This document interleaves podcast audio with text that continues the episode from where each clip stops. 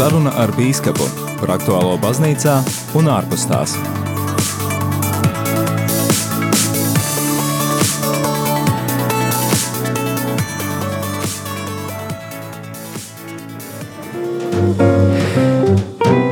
Silts un sirsnīgs sveiciens no Radio Marijas studijas ikvienam Radio Marija klausītājam un arī skatītājiem, kas raidījumam saruna ar bīskapu seko līdzi video tiešraides formātā gan Facebook lapā Radio Marija Latvija, gan arī Radio Marija Latvija tiešraides YouTube kanālā. Ir jauns gads un jauna tikšanās ar kādu no Latvijas bīskapiem. Raidījumā saruna ar bīskapu un šeit pie studijas pults es Māris Veliks, bet raidījuma īpašais viesis šovakar būs Rīgas arhibīskaps metropolīts Zbigņevs Stankēvičs, kurš raidījuma pirmajā daļā mums pievienosies telefoniski, bet tā kā viņš ir ceļā uz studiju, tad arī kādā brīdī būs šeit klātienē studijā un arī video tiešraidē varēsiet viņu redzēt, bet šajā brīdī es, ekscelence, jūs sveicinu, slavēts Jēzus Kristus. Mūžīgi mūžos āmen. Es arī vēlos atgādināt klausītājiem, ka kā allaša raidījumā mēs pārunājam šobrīd aktuālo baznīcā, bet priekšroka, protams, klausītāji ir tev. Tu vari kļūt par šī raidījuma veidotāju, uzdodot savu jautājumu arhibīskapam par baznīcas aktualitātēm, par garīgo dzīvi, par citām ar ticību saistītām tēmām, bet, ekscelence, es, es domāju, mēs varētu sākt ar aktualitāti, kas, manuprāt, ir joprojām svaiga. Mēs esam ienākuši jaunā gadā, ir 2022. gads. Mm, protams, joprojām arī laiks atskatīties uz aizvadīto gadu un ko jūs, ekscelence, vēlētos izcelt aizvadītajā gadā, kā jūsuprāt, priekš jums svarīgāko notikumu saistībā ar Latvijas baznīcas dzīvi?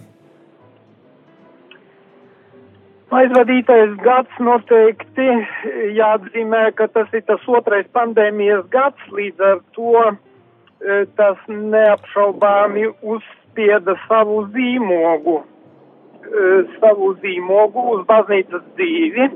Tas noteikti, jo tas ir, kā mēs teikt, pirmais gadījums manā dzīvē, ka kaut kas tāds ir, un tas neapšaubāmi ir nu, negribu teikt, apgriezis kājām gaisā, bet, nu, ļoti nopietni izmainījis baznīcas dzīvi.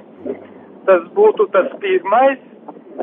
E, otrais, ka tas, protams, atnesa sev līdzi vairākus izaicinājumus. Nu, viens izaicinājums bija, kā mums nodrošināt attālināti e, dalību dievkalpojumos tiem, kas, e, nu, kas nevar vai nu šo ierobežojumu, vai nu, teiksim, savu to pašu saslimt dēļ nevarēja piedalīties. Tas būtu viens. Tad, protams, tas, ka, tas, ka mums turpinājās, teiksim, pirmajā gadā tas iesākās, bet ka mums turpinājās ļoti intensīvs dialogs ar valsti attiecībā par ierobežojumiem, un man ar vienu jau vēl ir gandarījums, ka Latvija bija vienīgā, vai gandrīz, nu gandrīz, teiksim, tā vienīgā no man zināmajām Eiropas Savienības valstīm, kurā baznīcas tomēr pat kritiskākajā brīdī netika aizslēgtas pilnībā. Tas būtu tas, bet vēl viens izaicinājums, ka, jā, pirms pārējiem pie tā nākošā izaicinājuma, ka vienkārši tas parāda, ka dialogs, uz ko aicina pāvests Francisks, un arī tajā vēstījumā miera dienai, ko svētdien es centos, ja 1. janvārī pacentos, pacentos tā kā savā homīlijā to to atstāstīt, ka viņš saka, dialogs ir ārkārtīgi būtisks, lai risinātu jautājumus, ja kādus jautājumus, un lai vispār mieru nodrošinātu pasaulē. Un tāpat es varu pateikt, ka dialogs ir ārkārtīgi svarīgs arī attiecībās ar valsti, jo, ja nebūtu bijis šī dialoga, tad, nu, baznīcas būtu ciet un, un mūsu ticīgajiem nebūtu iespējas piedalīties, piedalīties dievkalpojumos. Tas, teiksim, ir tāds ļoti svarīgs. Pēc tam, pēc tam nākošais moments, tas, tas izaicinājums, ka sakarā ar vakcinēšanos ka mums baznīcā parādījās, e, nu, parādījās tāda liela plaisa starp e, vakcīnu piekritējiem un atbalstītājiem. E, ne tikai baznīcā, tas visā sabiedrībā, bet, protams, daudziem tas bija pārsteigums, ka arī baznīcā, teiksim, iegāja šis, šis vilnis. Un Un no vienas puses, nu tā kā pāvests un, bīskapi ar savu, savu priekšzīmi rāda, rāda, teiksim, ka doties tai virzienā, bet, nu, parādījās tāds diezgan spēcīgs vilnis, e, kas, ka cilvēki, kas bija pret, nu tad es, lai arī pats, pats esmu vakcinējies un kas aicinājis vakcinēties, tad tomēr esmu par to, lai cilvēkiem to neuzspiestu un atstātu to izvēles brīvību. Un vienkārši kristīgā mīlestība un cietība, nu tā ir, nu tā ir jāizpaužas arī šajā jomā. Respektīvi, esmu aicinājis nevienreiz vien e, pieņemt vienam otru ar mīlestību un, nu, un nekarot, nekarot vienam ar otru. Tas, teiksim, būtu tā. Pēc tam vēl viens izaicinājums sakarā ar pandēmiju. Nu, kā es arī esmu teicis to, ka, nu, ja jūs piedalāties divkalpojumos attālināti, nu, tad lūdzu arī ziedojiet attā, attālināti. Jo, ja esat prom, nu, tad nevarat īsti, tad nevarat īsti, kā saka, noziedot tajā ziedojumu trauciņā. E, tā, ka tādi tie, tādi tie izaicinājumi. Tā, e, man tagad tāds iespraudums. Māri, atver lūdzu man durvis, stāvu pie durvīm un netieku iekšā. Jā, labi, dodamies mūzikas pauzē, un tad e, jau pēc mūzikas pauzes mēs ar ekscelenci arhibīskapu Zbigņevu Stankēviču tiksimies šeit klātienē studijā.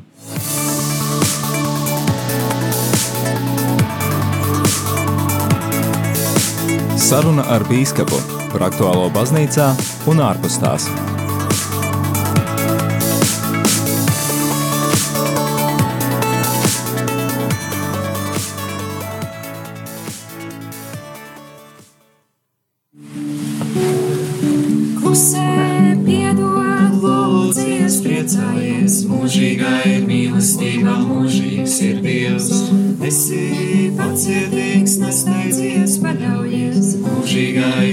Mīlestība, mūžīgs ir Dievs. Dievs tavu sirdīs mainīs, ja tu to viņam ļausi.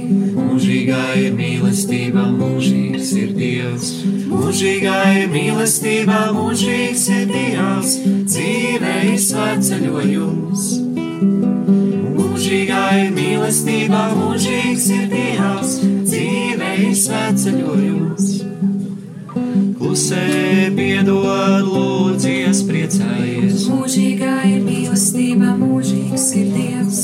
Esi pacietīgs, nesteidzies, paļaujies. Mūžīgā ir mīlestība, mūžīgs ir Dievs. Dievs tavu sirdīs mainīs, ja tu to viņam ļausi. Mūžīgā ir mīlestība, mūžīgs ir Dievs. Mūžīgā ir mīlestība, mūžīgs ir Dievs. Dzīve ir svētceļojums. Mūžīgā ir mīlestība, mūžīgs ir Dievs, dzīve ir svētceļojums. Mūžīgā ir mīlestība, mūžīgs ir Dievs, dzīve ir svētceļojums. Mūžīgā ir mīlestība, mūžīgs ir Dievs, dzīve ir svētceļojums. Uja, pājā,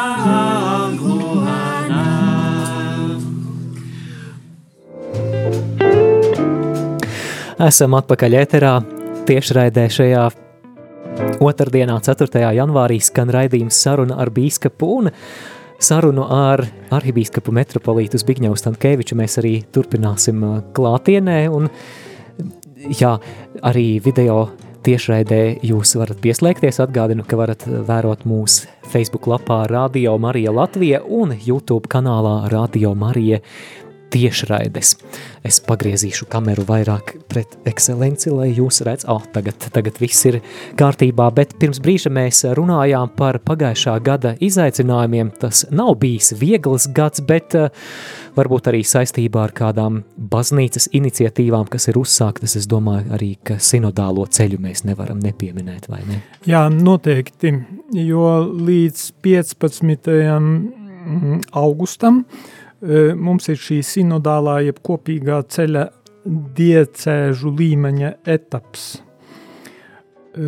Tātad šo, šo ceļu ir inicijējis pāvests Francisks, jo pēc tam šie materiāli tiks apkopoti biskupu konferenču līmenī, pēc tam kontinentālā līmenī un pēc tam jau vispārējās baznīcas līmenī un tikai pēc tam notiks tā vispasaules biskupu sinode. Uh, uz šo materiālu bāzes.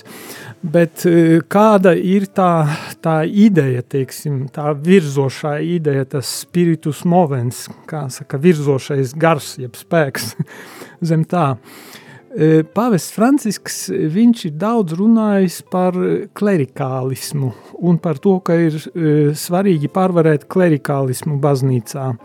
Un klerikālismu, nu, to no vienas puses tas ir kā svešvārds, un var pateikt tā, tā, tā ļoti īsi, ka tas, ir tā, tas nozīmē, ka lūk ir priesteri un bīskapi, un tad, lai viņi tur domā par to, kā sludināt evaņģēliju, kā risināt visus jautājumus, sākot jā, ar evaņģēlijas sludināšanu, beidzot ar baznīcu remontiem un rēķinu maksāšanu un tā tālāk, e, un draudzes vadīšanu, ar vārdu sakot, ka visu nosaka tikai garīdznieks, un mēs esam tādi, nu, sava veida paklausīgā savis un esam patērētāji.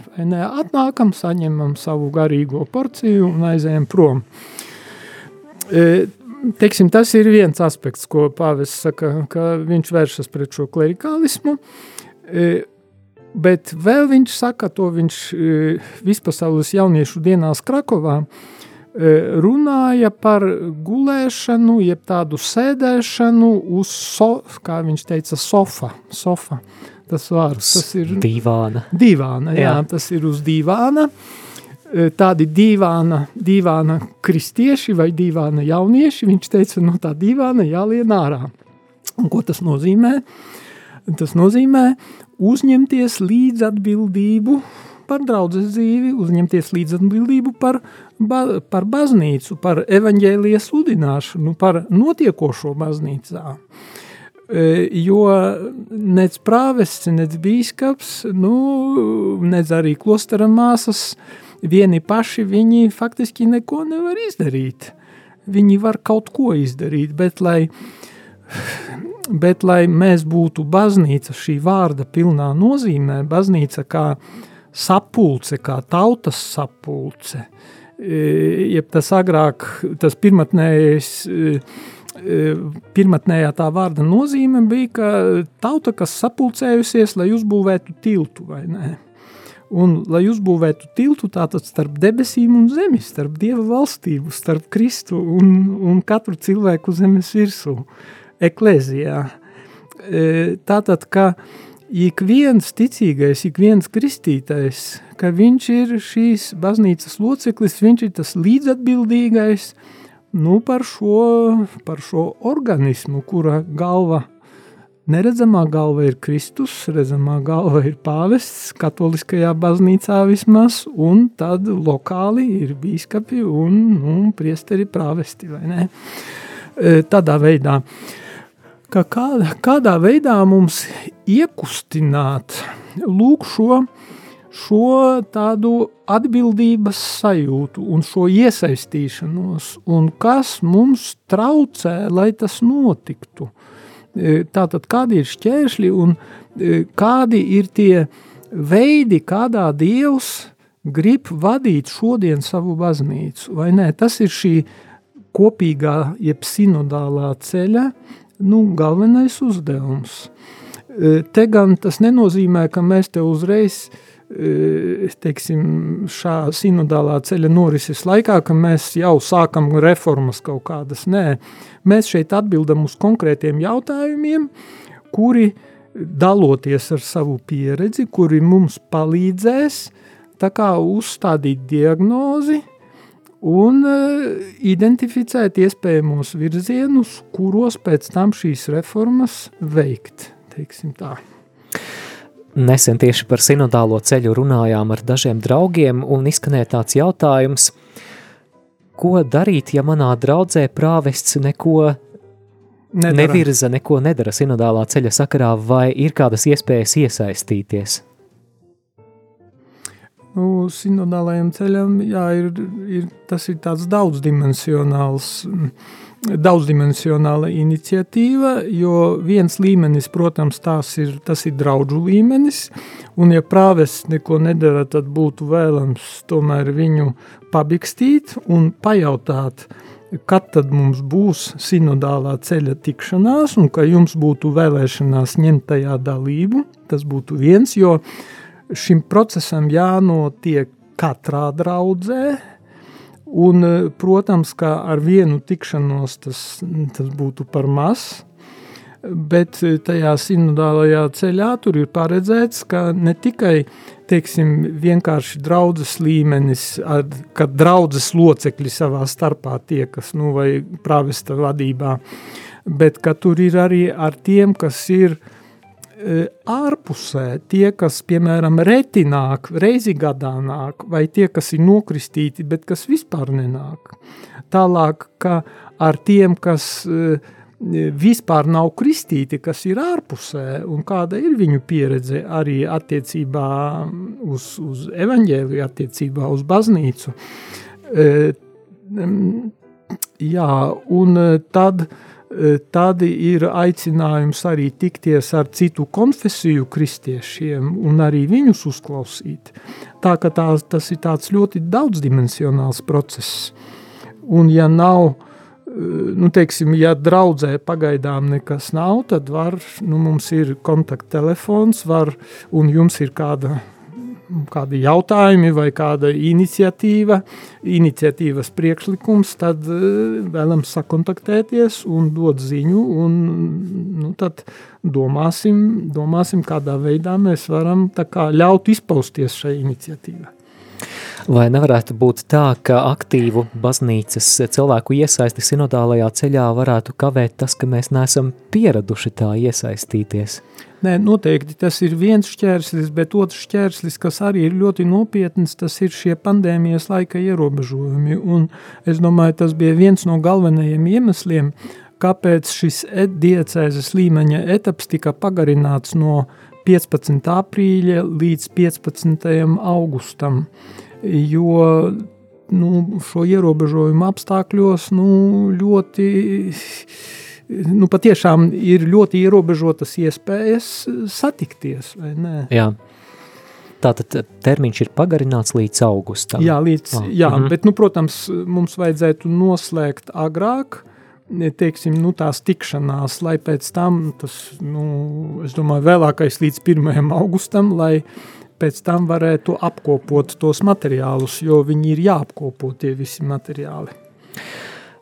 Atgādinu klausītājiem, ka jums ir iespēja iesaistīties raidījumā un uzdot arhibīskapam Zbigņevam Stankēvičam jūs interesējošo jautājumu. Numurs īziņām un WhatsApp ziņām ir 266 77 272, savukārt studiju var sazvanīt uz numuru 67 969 131. Savukārt studijas e-pasts ir studija at rml.lv. Mums ir vairāki klausītāji, kurus interesē jautājums. Es šīs vairākas ziņas mēģināšu apkopot vienā jautājumā.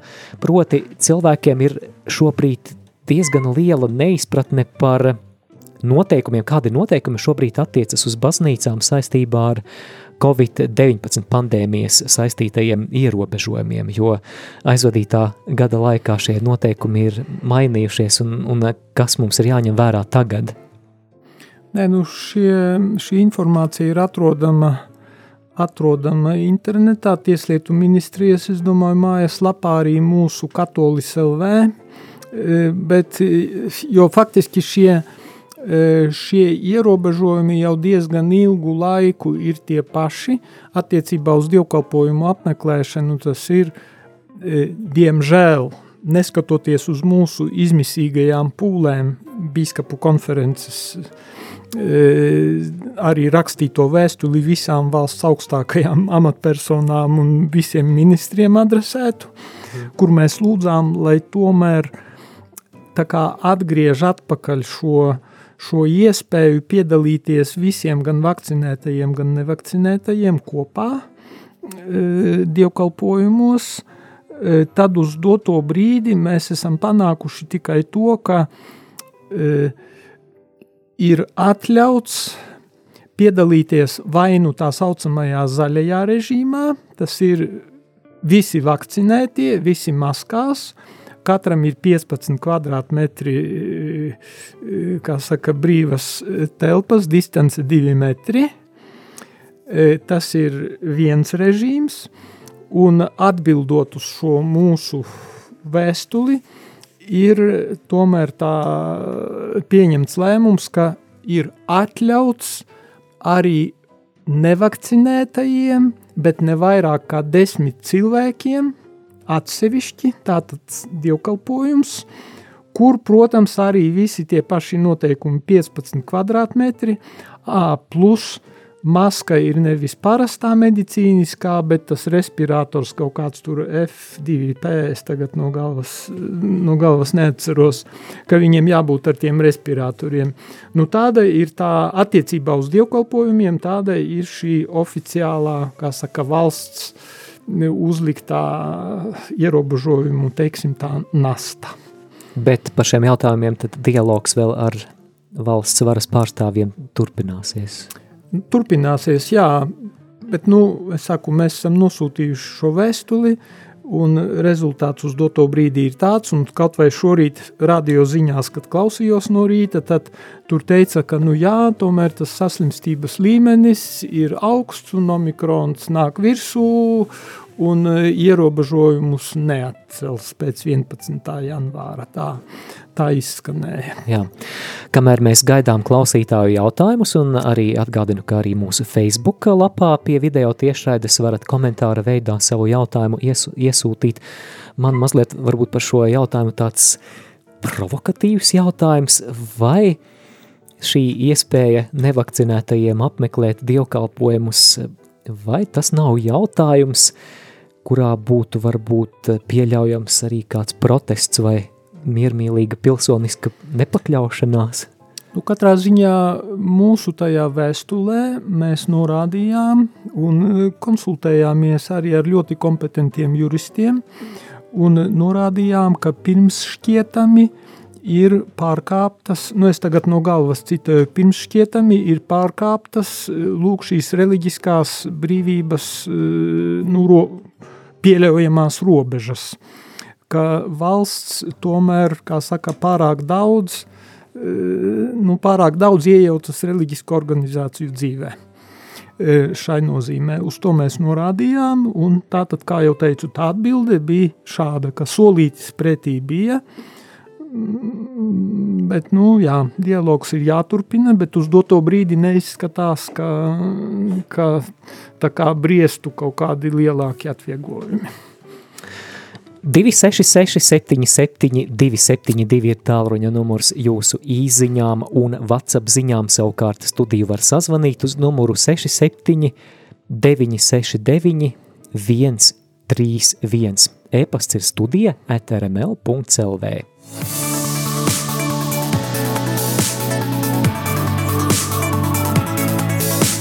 Saruna ar bīskapu par aktuālo baznīcā un ārpus tās.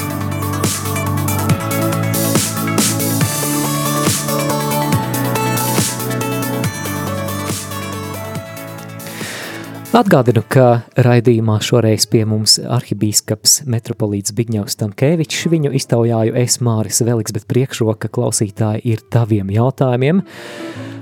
Paldies arī par kādu jautājumu, ko Ilze ir iesūtījusi uz e-pastu. Slavēts Jēzus Kristus. Jautājums arhibīskapam. Ņemot vērā, ka tradicionālā svētā mise ir pieejama gandrīz visu Eiropas valstu galvaspilsētās, kā arī pieredze kaimiņu valstīs rāda, ka tradicionālās Romas rita svētās mises dot lielu pastorālo labumu ticīgajiem, gribētu lūgt arhibīskapa komentāru par to, kad šajā ritā svinētās svētās mises būs pieejamas Rīgā, un otrais arī kādus soļus ieteiktu spērt ticīgajiem, kuri – savam garīgajam labumam jūt nepieciešamību piedalīties svētajā misē pēc tradicionālā Romas rita, lai mudinātu bīskapus drīzāk darīt pieejamu šādu svēto misi arī mūsu galvaspilsētā raksta Ilze. Paldies jau iepriekš! Nu, kā droši vien jūs, nu, vismaz tie, kas interesējas par tēmu, esat lietas kursā, ka uh, Vatikāns ir izdevis speciālu dokumentu ļoti nesen par lūk, šāda veida misēm, kurā viņš ļoti, var teikt, ierobežo šāda veida dievbības formu, norādot uz nu, zināmiem, kā saka, ne tikai pozitīviem, bet arī negatīviem augļiem tam visam. Un līdz ar to šobrīd eh, kaut ko tādu var uzsākt tikai ar faktiski Vatikāna autorizāciju.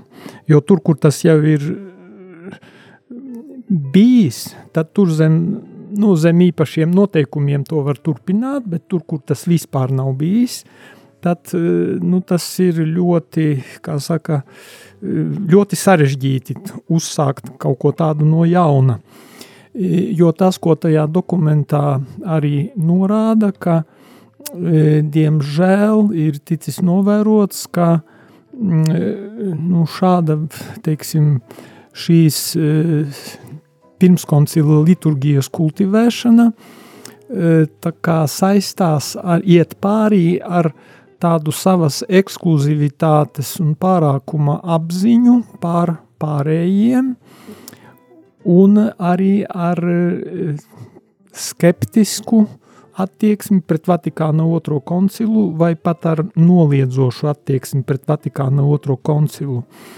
Un eh, līdz ar to tur ir ļoti jāskatās, lai patiešām šī, šīs liturgijas kā, kultivēšana neietu pārī ar, kā es to saucu, zināmu ideolo, zināmas ideoloģijas vai ideologizācijas vīrusu, kas noteikti, nu, es teiktu, tā nav no svētā gara.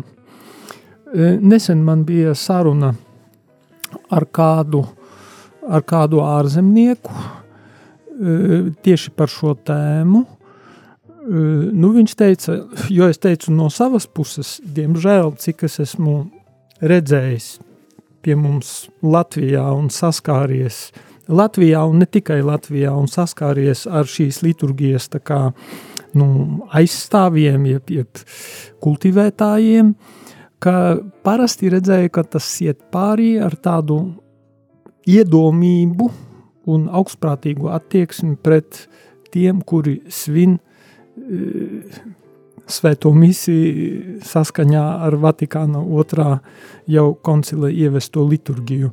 Nu, man atbildēja, ka jā, pie viņiem esot arī tādas grupas, kur tas esot, nu, iet pārī ar veselīgu garīgumu, līdz ar to, ja tas iet pārī ar veselīgu garīgumu un reāli palīdz tā kā augt cilvēkam garīgi un palīdz viņam pieaugt arī tādā tikumā kā pazemība un mīlestība pret tiem, kuri svin misi jau ar pēckoncila liturgiju, tad tas būtu atbalstāms. Bet tas ir ļoti, ļoti jāizvērtē, jo mana personīgā pieredze ir tāda, ka, diemžēl, kā es teicu, es ne, neesmu saticis tādus, kuri neskatītos no augšas, tad uz tiem pārējiem.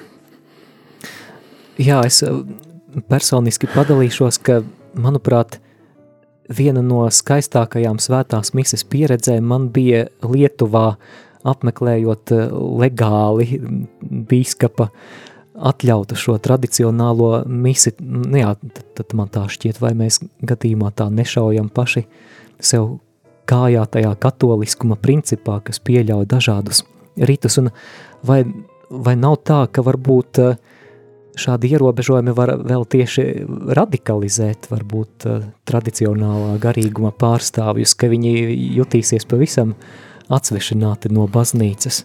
Nē, nu tāpēc, eh, tāpēc, eh, kā saka, tas pāvesta autorizētais dokuments, viņš neizslēdz šādu iespēju, bet to ir ļoti sākumā jāizvērtē, jāizskata no visām pusēm, vai tur apakšā ir, nu kas tur par motivāciju vai nē, un vai tur ir iet runa par īstu garīguma kopšanu, vai tur ir meklējumi uz kaut kādu originalitāti, ekskluzivitāti un, nezinu, izcelšanos un tā tālāk. Es neizslēdzu, jo, ja jau baznīca to ir, saka, pieļāvusi, bet tad es to neizslēdzu, Bet šis jaunais dokuments parāda, ka patiešām bieži vien nu, tas auglis tur bija saindēts, un tāpēc ir ļoti uzmanīgi sākumā jāizvērtē, pirms dot autorizāciju šāda veida misēm. Darbie klausītāji, atgādinu, ka šī ir jūsu iespēja iesaistīties. Numurs īsiņām un WhatsApp ziņām ir 266, 77, 272. Savukārt e-pasts studija etrml.cl un, protams, arī priecāsimies dzirdēt jūsu balsi. Zvaniet uz numuru 67 969 131. Ekscelence, jūs savā Ziemassvētku vigīlijas sprediķī pieskārāties pārbaudījumu tēmai, norādot, ka pēdējos divus gadus mēs ejam cauri īpašam pārbaudījumu laikam, un daudz ir bijis neziņas par nākotni, apdraudētības sajūtas un dzirdam par to, ka mūsu sabiedrībā pieaug spriedze un agresivitātes līmenis un daudzi mokās ar depresiju. Es droši vien varētu piebilst arī gan kāpjošās cenas, gan situāciju pie Baltkrievijas robežas un Krievijas bruņoto spēku koncentrēšanos pie Ukrainas robežas, un patiešām tie laiki ir satraucoši, un Es domāju, ka tāds nemieris var iezakties ikviena kristieša sirdī. Kā ar to sadzīvot, kā to pieņemt, vai ko mēs varam darīt, lai nenolaistos rokas šajos apstākļos?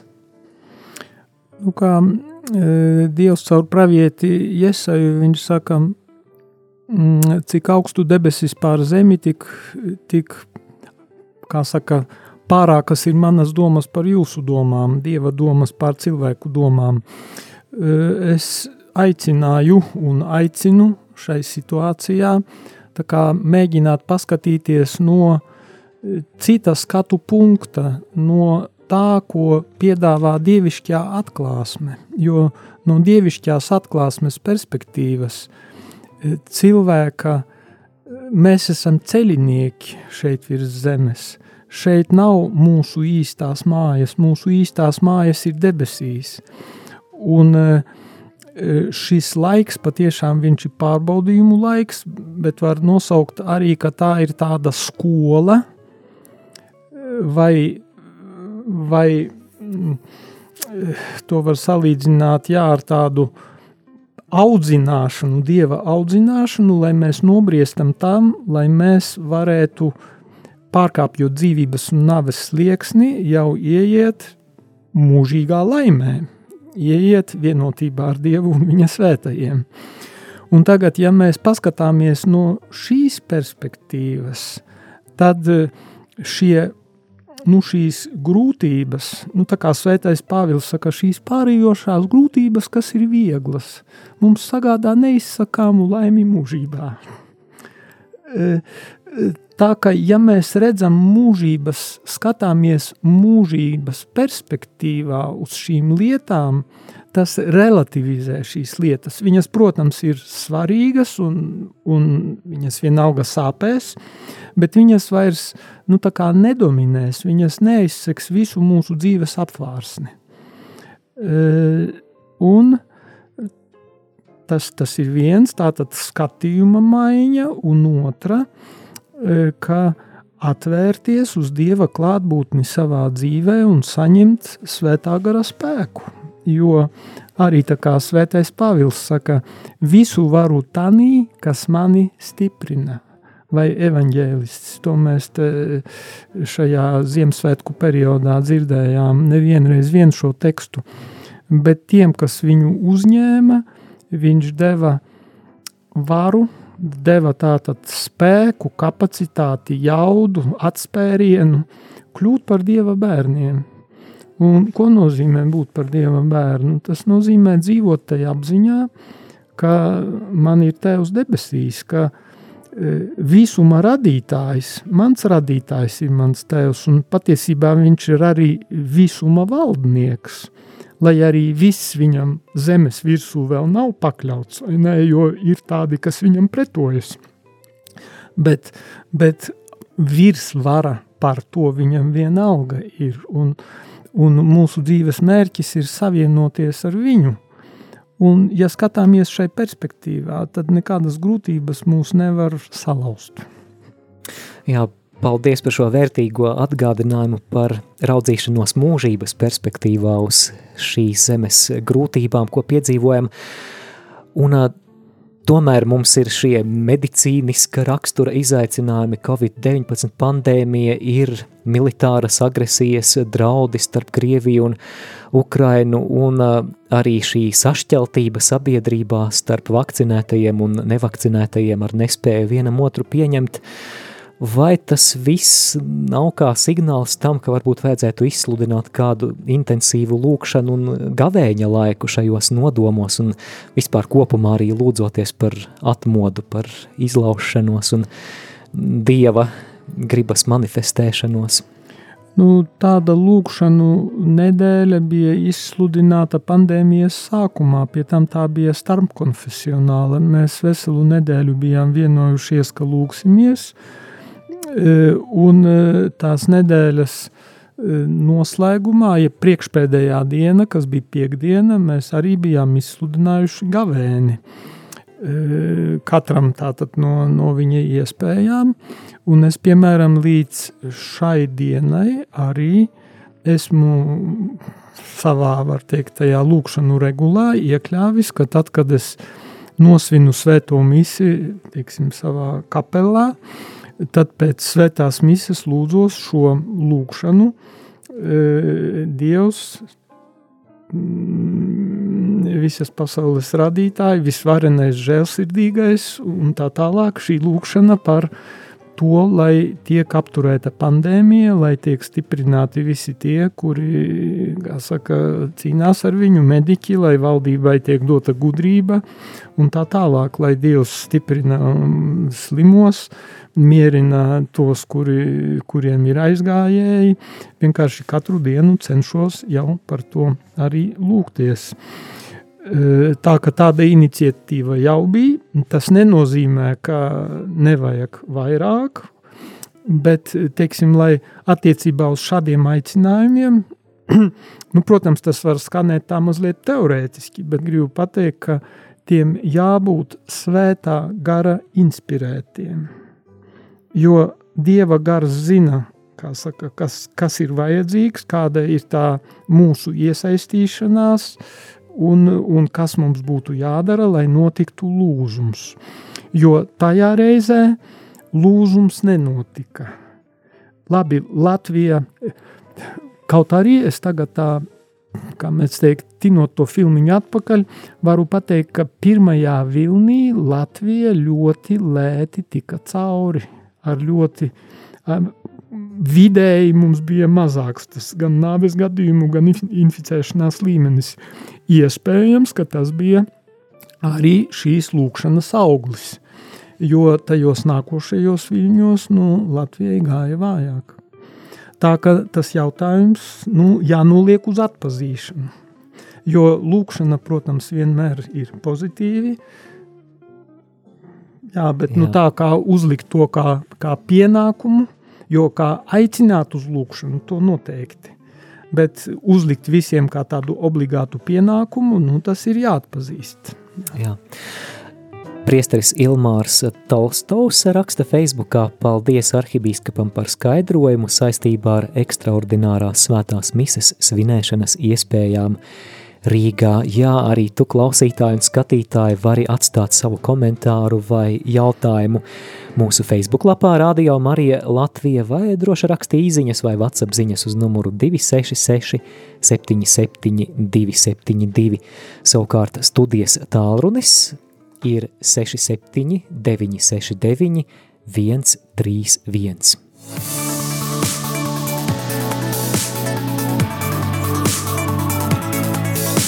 Saruna ar Bīskapu par aktuālo baznīcā un ārpus tās.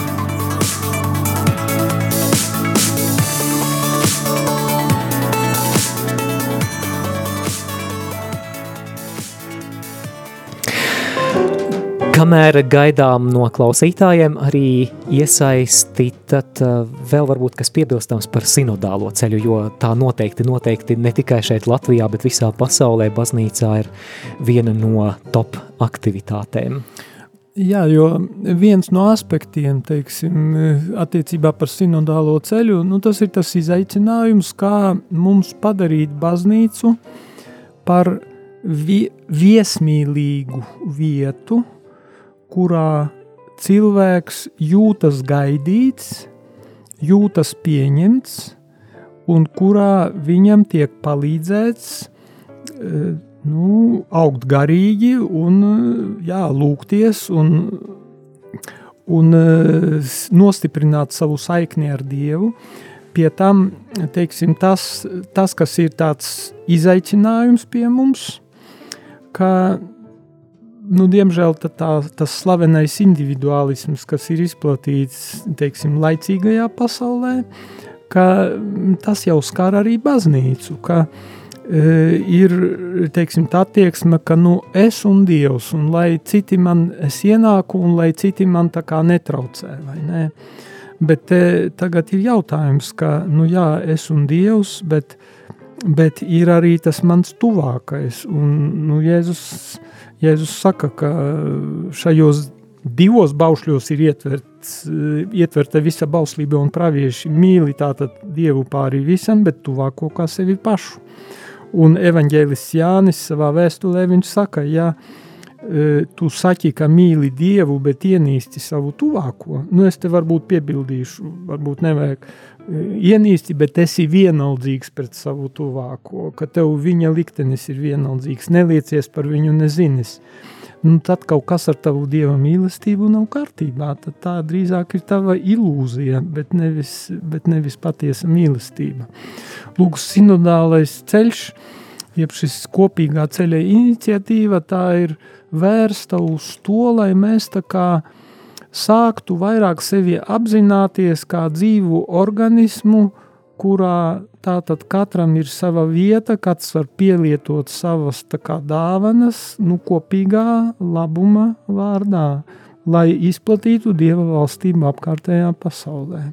Tas ir tāds, es teiktu, ka tā ir, esmu pārliecināts, ka tā ir svētā gara dvesma, kas nāk caur šo iniciatīvu, Un tāpēc man ir ļoti žēl, kad es dzirdu nu, patiešām tādas ziņas, ka jā, draudzē nekas nenotiek, tur ir vienaldzība, nu, labi, tur augšas kaut ko izdomājušas, gan jau mēs pārzīmosim, pārdzīvosim, formāli atskaitīsimies, ka viss ir noticis un dzīvosim tālāk, tā kā viss bija līdz šim. Nē. Kopīgā ceļa iniciatīva tieši uz to ir vērsta, lai pēc tam nebūtu tā, kā ir bijis līdz šim, lai uh, lai baznīca atjaunotos svētajā garā, ne, lai pieaugtu mīlestība savstarpējā, lai pieaugtu atbildības sajūta, lai, lai būtu vairāk iesaistīšanās, lai katrs varētu kalpot ar savu dāvanu, ar to dāvanu, ko viņš ir saņēmis no Dieva, lai viņš varētu to likt lietā. Jo klerikālisms bloķē faktiski šo dāvanu atraisīšanos, jo slāpē garu. Bet, bet tad, ja mēs pārvaram klerikālismu, tad cilvēks vairs nebaidās nākt ar savu iniciatīvu. Protams, tās iniciatīvas arī ir jāizvērtē, jāatpazīst, bet tas nenotiek vienpersoniski, ka tikai priesteris vai biskups to dara. To dara baznīcas miesā, to dara draudzene un tas ir savādāk. Jā, ekscelence, lai šis jūsu vārds arī atbalsojas draudzēs, kur cerams nokļūst arī šis raidījums, un, un tad, tad varbūt, lai, lai šis vārds arī mudina vēl lielāku iniciatīvu, lai patiešām mēs varam šo sinodālo ceļu šeit Latvijā pilnvērtīgi izdzīvot un nepalaist garām arī šo Dieva un baznīcas doto iespēju. Mums ir arī zvans ēterā, uzklausīsim klausītāju. Lūdzu, jūs esat ēterā, halo! Labvakar! Labvakar, klausāmies jūs, lūdzu! Uh, es pirmo reizi... Jā, priecājamies! Tad es jūsu domāju, jautājums? No, nu, nu, es tā, nu, es gribētu jums pastāstīt par, nu, par, nu, par, par, nu, par savu ticību un par. Jā, nu, varbūt par, jums ir kāds jautājums konkrēti arhibīskapam. Jā, nu, man ir tā, nu, es tā, nu, gribētu teikt, nu, zini, nu, es tā visu laiku, es tā ar vienu iedomājos, ka tagad viss, tagad viss šitā šausmas un te. Es ar vienu visu laiku tā iedomājos, ka cilvēkiem vairāk tā, nu, zini, vairāk vajadzētu apvienoties lūkšanās un ielikt visu Dievu rokās un lai viss šis, aiprā, šis vaiprāts beigtos, nu, tas jau ir tas, tam visam es, eh, nu, pilnībā piekrītu, eh, ka šī pandēmija, viss šis vīrus šausmīgi cilvēks ir nogurdinājis. Bet tā kā saka pāri visam, visi jāieliek Dievu rokās un jālūdzās un jālūdzās, lai šis ārprāts mhm. beigtos vienreiz, lai tas viss beigtos. Jā, paldies jums. Jā, es jums pilnībā piekrītu, ka patiešām tas, kā saka, tas gala lēmums ir Dieva rokās, un mēs, nu, patiesībā varam izlūgt no viņa to, bet, bet es esmu domājis, kāpēc, teiksim, nu, mēs tur lūdzāmies veselu nedēļu, un tomēr arī Eiropā visā ir tā lūkšanu kampaņa izsludināta, un kāpēc, nu, nebeidzas, kāpēc Dievs it kā neuzklausa. Nu, no vienas puses es jau teicu, ka redzējām, ka Latvija pirmo vilni ļoti viegli pārdzīvoja. Ticu, ka tas bija arī mūsu lūkšana un gaveņa rezultāts. Bet, bet vēl kāpēc nenotiek, ka Dievs pieļaujot pandēmiju vēlas sasniegt kaut kādu kā saka, mērķi, lai mēs kaut ko saprastu un lai mūsos kaut kas pārvērstos, lai kaut kas mainītos. Mūsu, tas, kā es saku, uh, sabiedrības uzstādījumos, sākot saka, ar katru cilvēku un beidzot līdz pat augšām, līdz pat mūsu valdībai, vai ne? Lai mēs tā kā atjaunotos, jo esmu pārliecināts, ka mūsdienu tā civilizācija, rietumu civilizācija, kuras sastāvā mēs esam, ka tajos uzstādījumos, settingos tur ir daži settingi ir greizi jau aizgājuši un Dievs vēlas, lai mēs viņus tā kā nokuriģējam. Un tā pandēmija turpinās tik ilgi, kamēr mēs tā kā sākam koriģēt pareizā virzienā šos, šos uzstādījumus. Man nav tagad gatavu, gatavu atbilžu uz to, es tikai formulēju problēmu kā tādu, to atbildi mums tā kā visiem kopā jāsaliek galvas un jāatrod tā atbilde un jāveic tās korekcijas. Un tad kad mēs tā kā pareizos secinājumus būtu izdarījuši un korekcijas, tad Dievs vienā brīdī var apstādināt to visu pandēmiju. Inese Facebookā raksta, man patīk skaidrojums par sinodālo ceļu tā nozīmi, sākot jaunu dzīvi. Laiks ir strauji aizritējis, un raidījuma noslēgumā, ekscelence, mēs priecāsimies, ja arī lūksiet par klausītājiem un arī svētīsiet šo jauno gadu uzsākot. Labi, labprāt. Dieva tēva un dēla un svētā gara vārdā. Amen. Amen.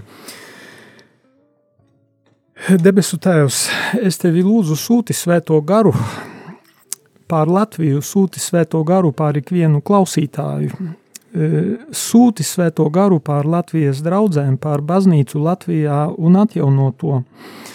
Davā mums gudrību no augšienes, lai mēs saprastu, kā, uz ko tu mūs mudini caur, caur šo pandēmijas pārbaudījumu, lai mēs to saprotam, lai mēs arī kā, izdarām pareizos secinājumus un speram arī šos atbilstošos soļus.